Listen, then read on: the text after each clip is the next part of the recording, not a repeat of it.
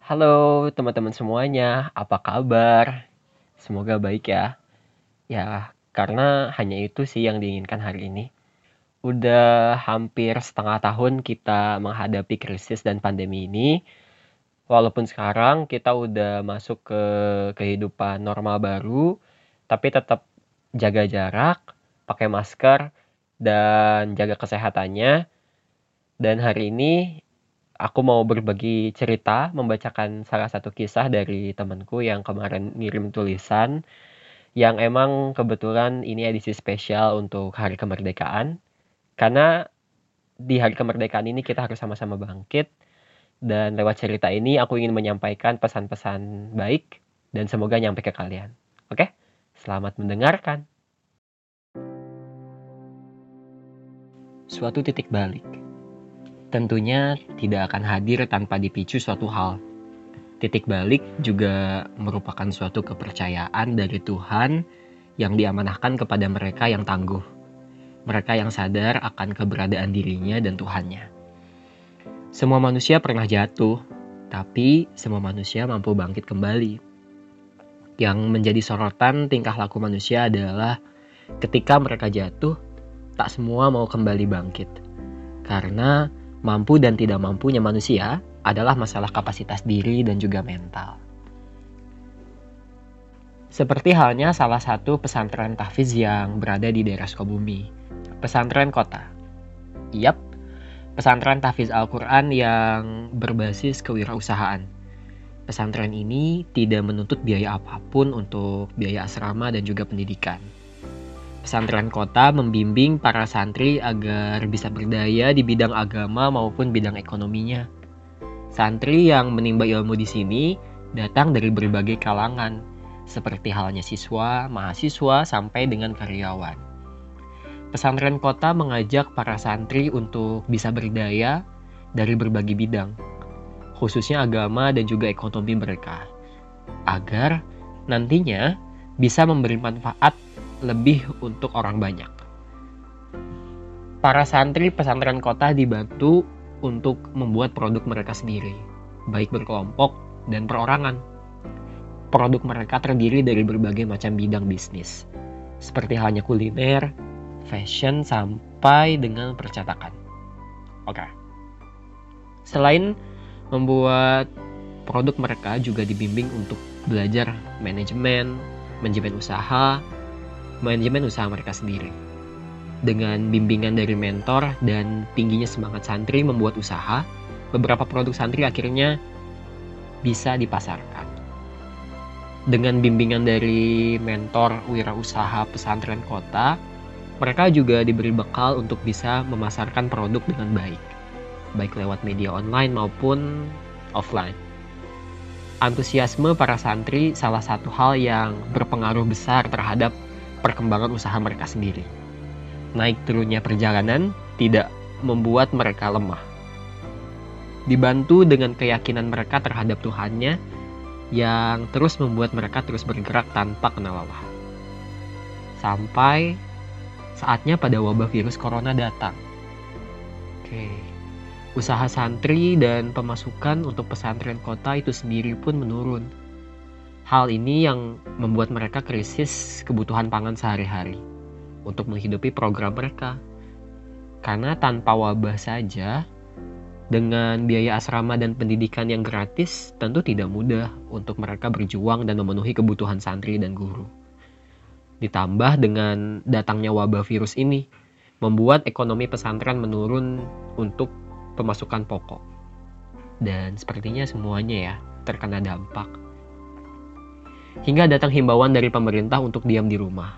Para santri akhirnya dipulangkan ke rumah mereka masing-masing demi keamanan bersama.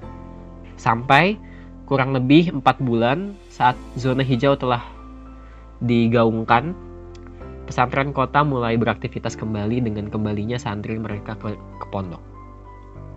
Dimulai kembali dari nol membuat krisis akibat wabah kemarin masih berlanjut. Pemasukan dari usaha santri masih nihil. Donasi dari para orang tua asuh atau donatur pun berkurang.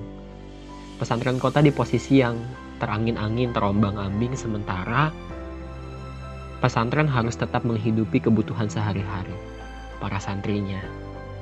Tapi Tuhan Maha Baik ternyata. Dengan ikhtiar dan doa yang terus mereka lakukan, membukakan jalan. Berawal dari orang tua salah satu santri pesantren kota yang mempunyai perkebunan di daerah rumahnya, yang merasa kebingungan karena hasil panen sayurannya selalu rugi dibeli dengan harga yang di bawah layak. Pengurus pesantren menjadikan hal itu sebagai jalan, jalan terang untuk orang tua santri dan pesantren kota.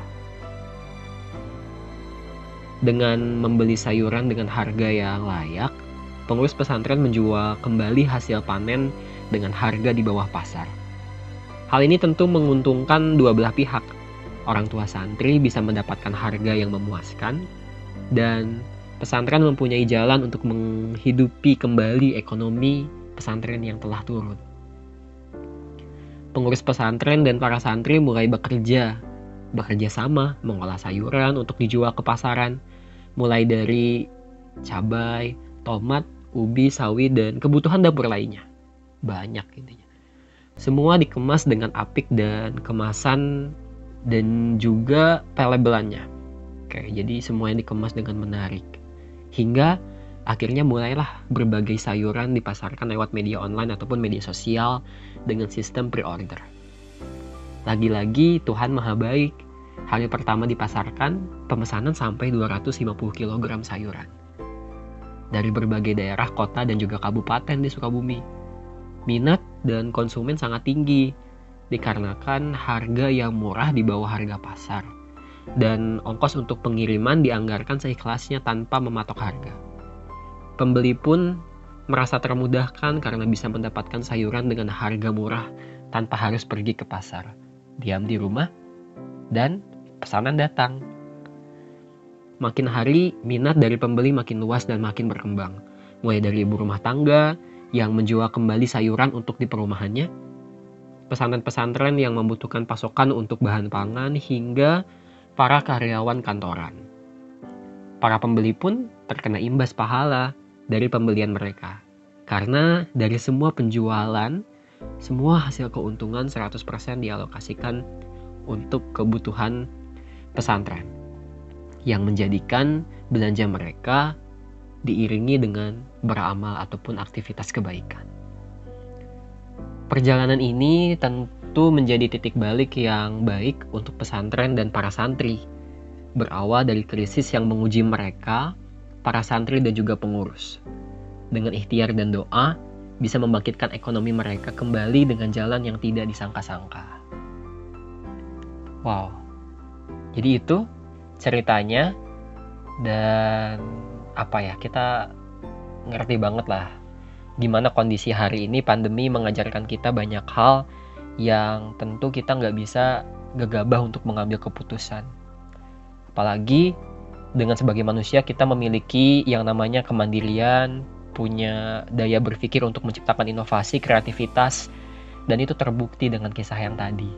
Jadi uh, banyak patriot yang muncul di masa krisis ini. Para patriot itu rela turun tangan, membantu sesamanya yang tengah kesulitan. Apalagi patriot itu juga merupakan seorang kaula muda semua pihak yang ikut urun tangan adalah mereka yang memiliki keluasan hati, ketebalan tekad, dan keinginan untuk menyingkirkan sekat agar kebaikan dapat tersampaikan pada semua kalangan. Juga, seorang patriot yang tidak pernah menyerah pada keluh dan juga bencana, yang juga enggan tunduk pada cemas yang kian merajalela. Itulah mengapa penting banget rasanya untuk menyebarkan kabar baik jadi harus banget buat kita nyebarin kabar baik agar rasa muram bisa nyah detik demi detik. Mengabarkan berbagai ikhtiar sederhana penuh makna, sebab dalam hidup tak mesti tentang hal-hal besar. Hal berharga juga datang dari uh, apa ya? Bagaimana kita belajar menghargai sekitar, menghargai setiap pencapaian masing-masing, bukan malah menjatuhkan dengan berbagai dugaan dan prasangka. Jadi, inilah tugas yang mesti kita lakukan bersama. Menguatkan segenap tenaga, solidaritas, dan juga rasa cinta. Jadi, ingat, Tidak ada yang pernah benar-benar siap menghadapi pandemi ini. Menguatlah dalam kebersamaan, saling mendukung dan memberi semangat juga sebuah keharusan. Ya karena tidak ada yang pernah kasih dari kejatuhan. Jadi, semangat ya!